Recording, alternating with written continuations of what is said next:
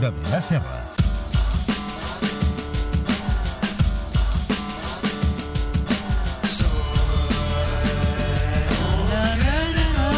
Adrià Serra, bona nit. Bona nit. Com a guionista t'ha semblat també tan malament aquest eh, missatge del nostre... A mi m'ha agradat molt. Jo li hagués donat amb T'ha tocat la fibra, sí, breu, concís, estava tota la Fàcil. informació allà, no, no feia falta res més. No cal complicar-se. Losers, avui...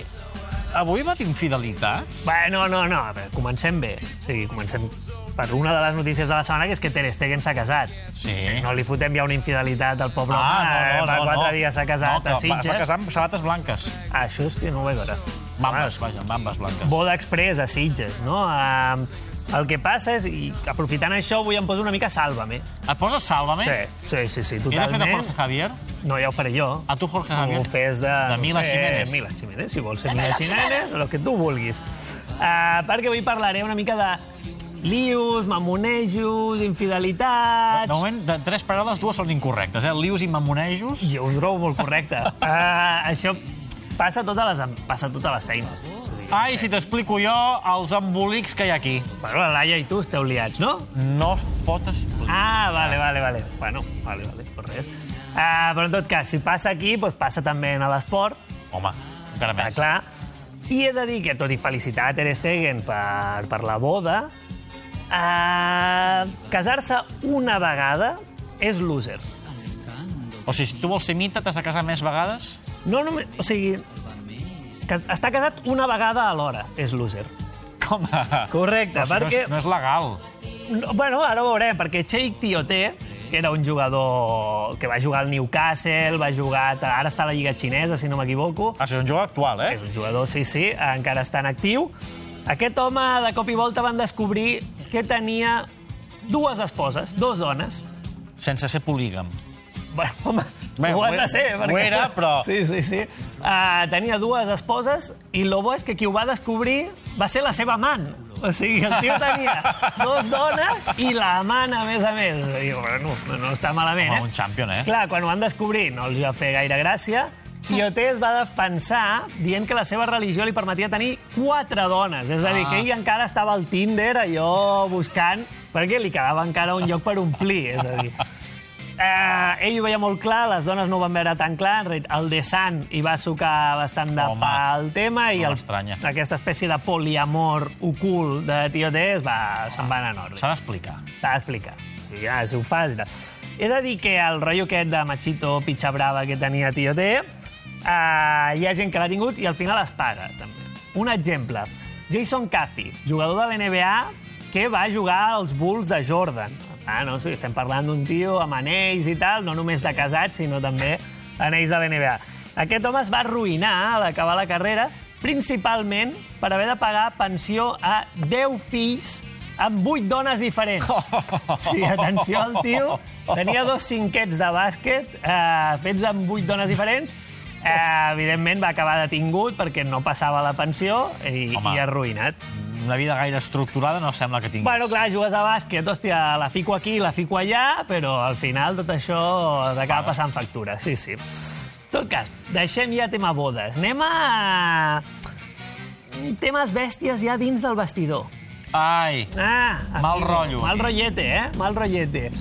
Jo crec que el tema més famós, segurament, el cas més conegut, és uh, John Terry i Wayne Bridge, jugadors del Chelsea, exjugadors del Chelsea.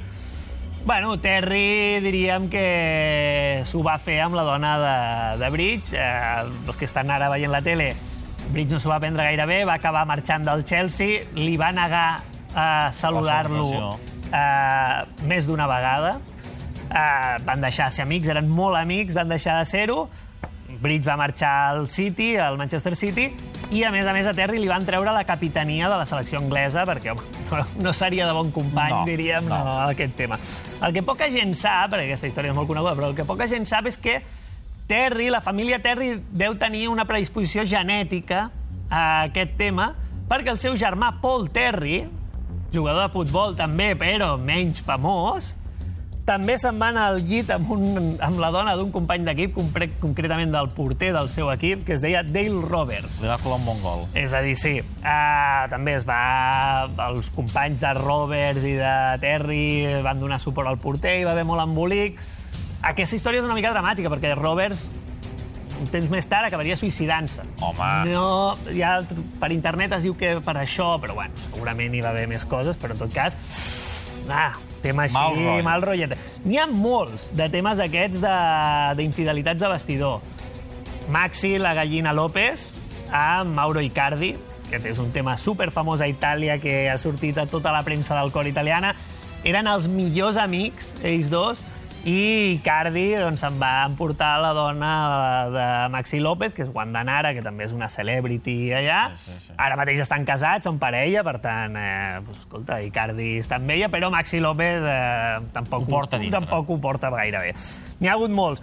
Un molt bèstia, eh, un jugador internacional de Ghana, Ayeu, que va estar 4 anys embolicat amb la dona d'un company de selecció, Aqua, eh, sense que ell ho sapigués. Va acabar descobrint per un vídeo a YouTube eh, on la dona se li escapava el tema.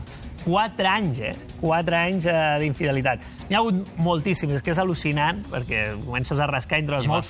Courtois, De Bruyne, hi ha un tema allà que són els, dels pocs que ho van arreglar, diríem, eh? Van arribar Courtois allò. i De Bruyne, dos nanos joves, eh? Sí, sí, sí, sí. Justament, tu diràs, nanos joves, històries més o menys recents, això, no sé, és, és d'ara, diríem, l'escalfament global ens tota fa, anar, ens fa anar més calents, què passa? No, això n'hi ha molts i alguns de fa temps. Per exemple, l'expresident de la UEFA, Michel Platini, Oh! Michel Platini també té un afer d'aquest de boles calentes. Uh, quan jugava al Sant Etienne, mític Sant Etienne de Platini, Sí. uh, allà feia tripleta amb Johnny Rep uh, i un altre jugador francès que es deia Jean-François Larios, eren com les tres estrelles del Sant Etienne d'aquest de principis dels 80, que era un equipàs. Uh, què va passar? Uh, L'amic Larios el van enxampar amb la dona de Platini. Ai! Ai, Ai. ai, perquè, clar, Larios era un grandíssim jugador, però no era Platini, evidentment. Platini, eh, abans del Mundial del 82, va dir o Larios o jo. O Larios o jo. Aquí sí que és veritat que el seleccionador va intentar tapar-ho, el que va fer és que no juguessin junts cap partit. De... Els va separar. Els va separar, diríem. Uh, L'Àrios va jugar, per exemple, el partit del tercer i quart lloc, perquè aquell Platini va passar de jugar-lo, però els va mantenir separats. És a dir, que no és una cosa d'ara. De, de tots els esports, el més bèstia que jo he trobat de tema de vestidor és en el futbol australià. No el futbol que juguem aquí, sinó el que juga el futbol australià d'allà, que és com una espècie de mix entre rugby i esport, que es foten moltes hòsties. Bé, un dels, un dels jugadors... L'he explicat molt bé, no? El Sí, futbol sí, australià, sí, sí, tothom sí. ho ha entès. Uh, Wayne Carey, que és una de les megaestrelles de la història del futbol australià, capità dels North Melbourne, aquest tio es va embolicar amb la dona del subcapità de l'equip, del segon capità de l'equip, que era íntim amic seu. Al quarto de bany de la casa del seu amic, que era Anthony Stevens, enmig d'una festa on estava convidat tot l'equip. Home! Home! Home, això... I És- més, estem parlant de gent que són bastant bèsties, eh? Vull dir que Sí, no podia acabar podria haver liat una, una de molt grossa. Uh, és la, la història més bèstia. Per acabar, una història que va destrossar un equip de l'NBA, en aquest El cas va fer explotar. va, va fer que un equip de les Mavericks, de les Mavericks, eh, ara bueno, van guanyar un anell amb, amb Nowitzki, vull dir que bueno, no, no, equip normal, però era una franquícia tirant a loser. Uh, val? No, no era una franquícia amb gaires èxits, però uh, de cop i volta aconsegueixen ajuntar a tres grans jugadors de menys de 25 anys, és a dir, allò, un futur prometedor. Concretament, Jim Jackson, Jamal Mashburn i Jason Kidd. Ah, ja està. The Three Jays, els hi deien. Uh, tots molt joves, per tant, home, aquí tindrem un gran futur. Pensa que el primer any que juguen junts, quan Kidd era rookie, eh, Mashburn i Jackson van ser la parella eh, que, han notat, que va notar més punts. És a dir, com a Vaja, parella que pintava conjuntes, bé, allò. Pintava la cosa molt, molt bé. Amb Rookie, Jason Kidd, tot fantàstic. Següent temporada, que s'havia de confirmar ja aquest equipàs, què va passar? Jason Kidd va quedar amb Tony Braxton. Tony Braxton és una cantant americana, una artista americana. Bueno, ah, hòstia, tindré una cita amb Tony Braxton, oh, he quedat amb ella i tal, hòstia, que bé. Total, Tony Braxton es va presentar a l'hotel on estaven els Mavericks convocats, però, ah, amigo, no se'n va anar amb Jason Kidd, se'n va anar amb Jim Jackson. Home, El tio, pobre Kidd, devia estar acabant-se arreglar allà a l'habitació, posant-se guapo i tal, baixa al vestíbul, i se la troba amb un altre. on està Tony Braxton? Se n'ha anat. Amb qui? Amb Jim Jackson. Home, lleig. Lleig. Uh, aquest rumor uh, va acabar destrossant l'equip. Van traspassar Jackson, van, tra van traspassar Kick, és a dir, tot, tot el, el pla que tenia els Maverick per, per créixer es va acabar allà.